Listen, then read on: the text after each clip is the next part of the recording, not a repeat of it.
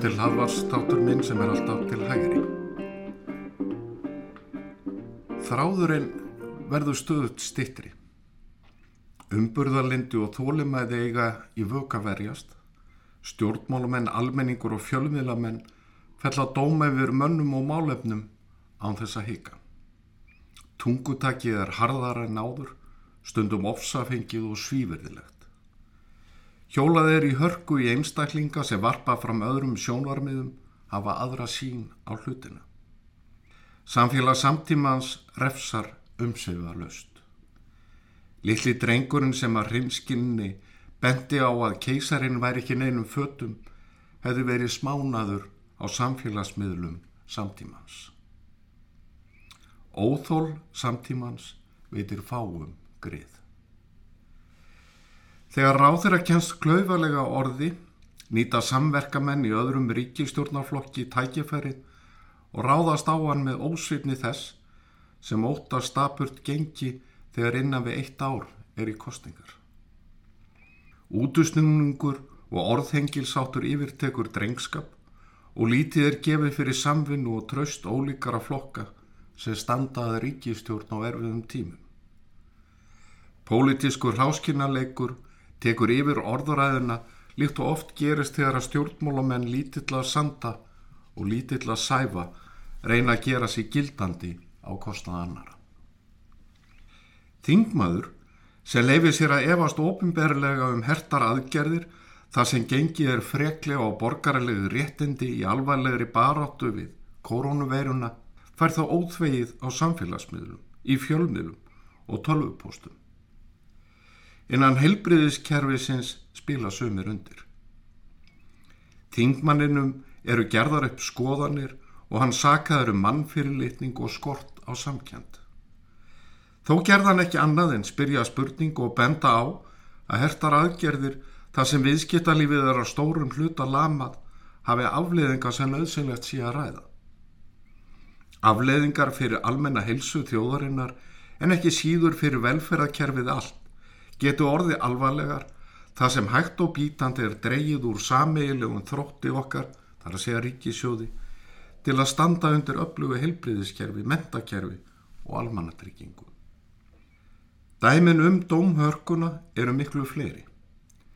Umburðarlindi hefur farið þverrandi á síðustu árum og þar hefur koronveiran ekki leikið hlutverk. En við Íslendingar eru svo sem ekki einir í glímunni við óþól gagart þeim sem er á annari skoðun. Óþólumæði og fordómar sundra samfélugum, eitra samskipti fólks og grafa undan líðræði. Líðræði sem kvílir á mörgum hortsteinum. Málfrelsi, það sem ólíkar skoðanir takast á, er eitt þessara steina. Friðsamleg stjórnarskipti að loknum opnum og frjálsum kostningum er annar hortstein. Í bandaríkjónum er stöðut grafið undan báðum þessum hortsteinum og þannig verður sífælt hættulegra að tapa kostningu. Á þetta bendi meðal annars John Cochrane, hagfræðing við Hoover stopnununa við Stamford háskóla og áður profesor við háskólan í Chicago á bloggsíðu sinni í september. Hæfileikin til að sætta sig við niðurstöðu kostninga sé að hverfa. Hefðbundin viðmið í samskiptum hafi verið brotin niður. Þegar tæpur mánuður er til fósættakostninga í bandarkjónum er ástæða til að bera nokkur kviðbúa fyrir því hvernig brúðist verðu við úslitunum. Sundrung samfélagsins í bandaríkjónum byrtist okkur á hverjum degi og hefur meðal annars myndað farveg fyrir nýja tegund stjórnmála, svo kallar réttláta ógnun eða righteous intimidation, þar sem samfélögum er skipt upp í fórnarlömp og kúara. Og hafið sagan kent okkur eitthvað, þá eru það þessi einföldu sammyndi. Frelsi þrýfst ekki án frjálsara og opinna skoðanaskipta. En þráttur í þennan lærdóm virðast borgara líðræðisríkja ekki alltaf skinja þegar frelsinu er ógnat. Kanski er það vegna þess að ókvaldurinn skiptir stöðut um andlit, breytir um aðferðir og notar önnur orð. Kanski er sinnuleysið afleiðing velmegunar. Ef til vill kemur óttin við afleiðingar í vekk fyrir að teki sér til máls. David Green, fórstuðum aður Civitas hugveitunar í Breitlandi og dálkahöfundur The Spectator, heldur því fram að ný tegund stjórnmála sé að festa sér rættur, það er réttlátt ógnun sem ég nefndi á þann. Það sem samfélögum er skipt í fórnalömp og kúvara. Í nýlegum pisli bendir hann á að réttlátt ógnun sé fyrstu kostur margara barátumanna fyrir þjóðfélagsbreytingum. Barátumenn fyrir róttakum aðgerðum í lofslagsmálum reyna að koma í vekk fyrir útgáfu dagblada sem eru þeim ekki að skapja. Undir yfirskifinni réttlætis og baráttu gegn ógæðfeldri kynþáttahyggju og rasisma eru minnismerki rifið niður. Skoðanir sem ekki eru þóknarlegar eru baldar niður og Twitter er nýttur til að bóla einstaklingum úr starfi. Á síðust árum hafa það sem hægt er að kalla sjálfsmyndarstjórnmál orðið stöðut meira áberandi. Í stað almennarar hugmyndafræði, svo sem um réttindi einstaklinga, hlutverk ríkisins og stjórnskipan, byggja stjórnmál sjálfsmynda á þjóðfélagstöðu, kynþætti, kynneigð, trúabröðum og svo farmæðis. Það eru jarðvegi sjálfsmyndastjórnmála sem réttmætt ógnun er sprottin. Og í mörgu er það kaltaðnislegt að Donald Trump, bandarækja fósetti, hefði lagt mikið af mörgum til að gera jarðveginn frjóri en nokkuru sinni verið hugmyndir og baráttu aðferðir af þessu tægi. Frelsi krefst mikils af borgarunum. Sjálfsmyndastjórnmál mynda hins vegar farveg fyrir kröfur á samborgarana. Ítaðundi trúna á að samfélagi skuli skipulagt af hinnum rétt sínu. Til að ná markmiðinu er nöðsynlegt að pólitísk hotlusta byggist á gremju, kvörtunum og dilgjum í gard annara. Þeir sem ekki taka undir eru skilgrendir sem fjandmenn og kúarar sem verða að þakka niður í. Og hver og eitt leiti að innri styrkleika til að lifa farsælu lífi er talið fyrirlitlegt. Sjálfsmyndastjórnmál ganga á hólm við frjáls og opinn samfélög sem umbyrja ekki aðeins ólík sjónamið og skoðanir heldur hvetja til orðaræðina, raukaræðina, mynda öflut skjól fyrir dýnamíska umbræðu og skoðanaskipti, ekki síst í háskólum og fjölmiðlum. Í áður nefndri grein segi David Green að réttlæti sé ein megin stóð frjáls samfélags. Það sem leitast er við að leiðrétta óréttlæti öllum til hagspóta. Hann tilhör að stjórnmál, réttlátarar, ógnunar sé ósamrýmanleg frjálsuð samfélagi þar sem við reynum að læra hvert á öðru með beinum skoðanaskiptum. Svo hætta er raunveruleg að undir stjórn sjálfsmynda stjórnmála verði hætta að spyrja spurninga, leita nýra lausna.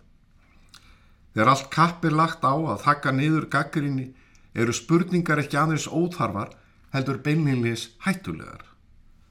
Það er ekkit rúm fyrir evasendir og engin nöðsin á því að leita nýra leiða við úrlust verkefna.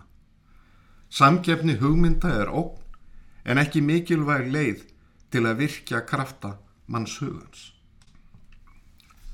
Við sjáum þessa þróun skýrt í bandaríkjónum en líka víða í Evrópu og raunar þurfum við ekki að fara út fyrir landsteinuna til að finna dæmin. Ég óttast að háskólasamfélagið sem á að vera gríðastaður frjálsarar umræðu og ólíkara skoðana sé hægt og bítand að breytast í eins konar kirkjudelt pólitísa réttrúnaðar. Ekki aðeins hér á landi heldur ekki síður í öðrum líðræðisríkjum. Í bandariskum háskólum eru fræðimenn flæmdir úr starfi og komið er í vekk fyrir að gesta fyrirlesarar með skoðanir sem er ekki þóknarlegar geti tekið til máls. Verið er að neppa háskóla í spennitreyju rétthugsunar. Frjóhugsun og frjáls vísindastarðsemi eru fornalömpin. Samfélagið allt er skadan. Stjórnmál réttlátarar ógnunar eru þegar grant er skoðað annað andlit stjórnlindis eins konar verkværi til að umbylta skipulagi líðræðisríkja sem ekki tókst undir gunnfóna sósælismans eða fasismans. Þetta er hugmyndafræði átaka það sem reka skal fleig millir borgarana, millir stjætta, kynnslóða, trúarbræða, kynþáta, kynja, atvinnureikanda og launafólks. Stjórnlindi breytist ekki þótt að það sé klætt í nýjan búning. Réttarríkið, þar sem allir eru jafnir fyrir lögum, er sett til hliðar í hugarheimi réttlátarar ógnunar. Því er hafnað að frelsi einstaklingsins og réttindi séu algild og óumbreytanleg. Allt sé háð aðstæðum og tíðaranda. Að halda því fram að uppspretta valdsins sé hjá borgarunum er talin hættuleg hugmynd sem grefuru undan stjórnlindu og markmiðum sjálfsmynda stjórnmóla. Þess vegna er öllum slíkum hugmyndum innan háskóla í fjölmiðlum stjórnmólum og samfélagsumræðu mætt að fulluri hörku. Andrumsloft ofinberra umræðu er eitrað og gaggrínin umræða kapnar hægt en öruglega þar sem einstaklingar fræðimenn sem aðrir forðast að taka til máls. Sú hætta er raunveruleg að frjálsir borgarar vakniði daginn í hlekkjum réttlátarar óknunar. Og vandin er raunverulegur og hann er djúbstæður, ekki síst í bandaríkjónum. Kannanir benda til að sífælt fleiri kjósendur, jæmt demokrata sem republikanar, telja að það geti verið réttlætanlegt að beita óbeldi til að ná fram pólitísku markmiðum. Og hvernig má annað vera þegar að pólitískir anstæðingar virða hver annan lítils? Árið 2018 leti könnun vefritsins Axios í ljós að 21% demokrata taldi republikana verið illa innrætta og 54% sögðu á fáfráða. Um 23% republikana voru á því að demokrater væri vondt fólk og 49% væru fávís. Í sameiginlegri grein sem byrtist í vefritinu Politico 1. oktober síðastliðin lýsa fimm viðurkendir fræðimenn við háskóla og rannsóknarstofnanir yfir þungum áhyggjum yfir þróun síðust ára. Öknum vilja til að réttlæta óbeldi sem leið til að ná sínu fram í stjórnmólum. Í upphafi benda er á að frambjónandi republikana, það er Donald Trump sitjandi fósetti, hafi í kappræðum nokkurum dögum áður líst yfir áhyggjum af óbeldisöldu sem rýður yfir margar borgir bandaríkjana. Óbeldi sem að saði runnið undan rivjum vinstrimanna. Forsetta framböðundi demokrata, Joe Biden, hafði einni áhyggjur en af óbeldi hægri öfganana. Báðir frambjöðundunir höfðu rétt fyrir sér en virðast ekki hafa pólitíska burði til að takast á við þá hættu sem líðræðinu stafar af óbeldi. Kannanir þessara fræðimennar sína að ástæða er til að hafa áhyggjur. Fari allt á vestaveg geti bandaríkinn staði frammi fyrir mestu krísu í 150 ár. Ekki síst ef úsleitt kostningana verða ekki skýr eða ef annar frambjóðandin dregur nýðu stöðu þeirra með einhverjum hætti í Eva, neytar að viðkjanna þær. Það geti leitt til óerða og óbeldis um alland. Um einna hverjum fjórum demokrátum og republikonum segir að það geti verið, geti verið réttmætt ef frambjóndi þeirra tapar í kostningum að beita óbeldi. Margir telja að þróunin í bandaríkjónum eigi sér hliðstæðu með sögu Evrópu á þriðja og fjórða áratug liðinar aldar. Þá var hófsæmdar fólk undir þegar öfgar og ofbeldi tóku yfir og tóku öll gildi líðræðis úr sambandi. afleðingarnar þekkjum við öll.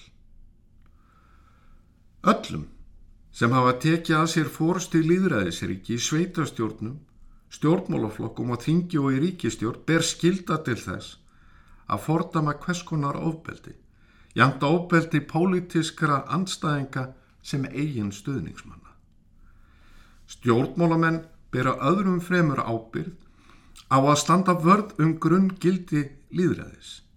Ekki síst að allir geti tekið þátt í frjálsum kostningum og að niðurstöður þeirra séu virtar.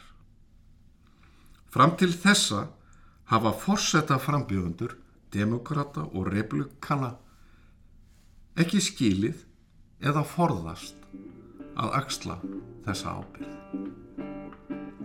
Ég þakka þeim sem hlýttu, eigi góða stundur.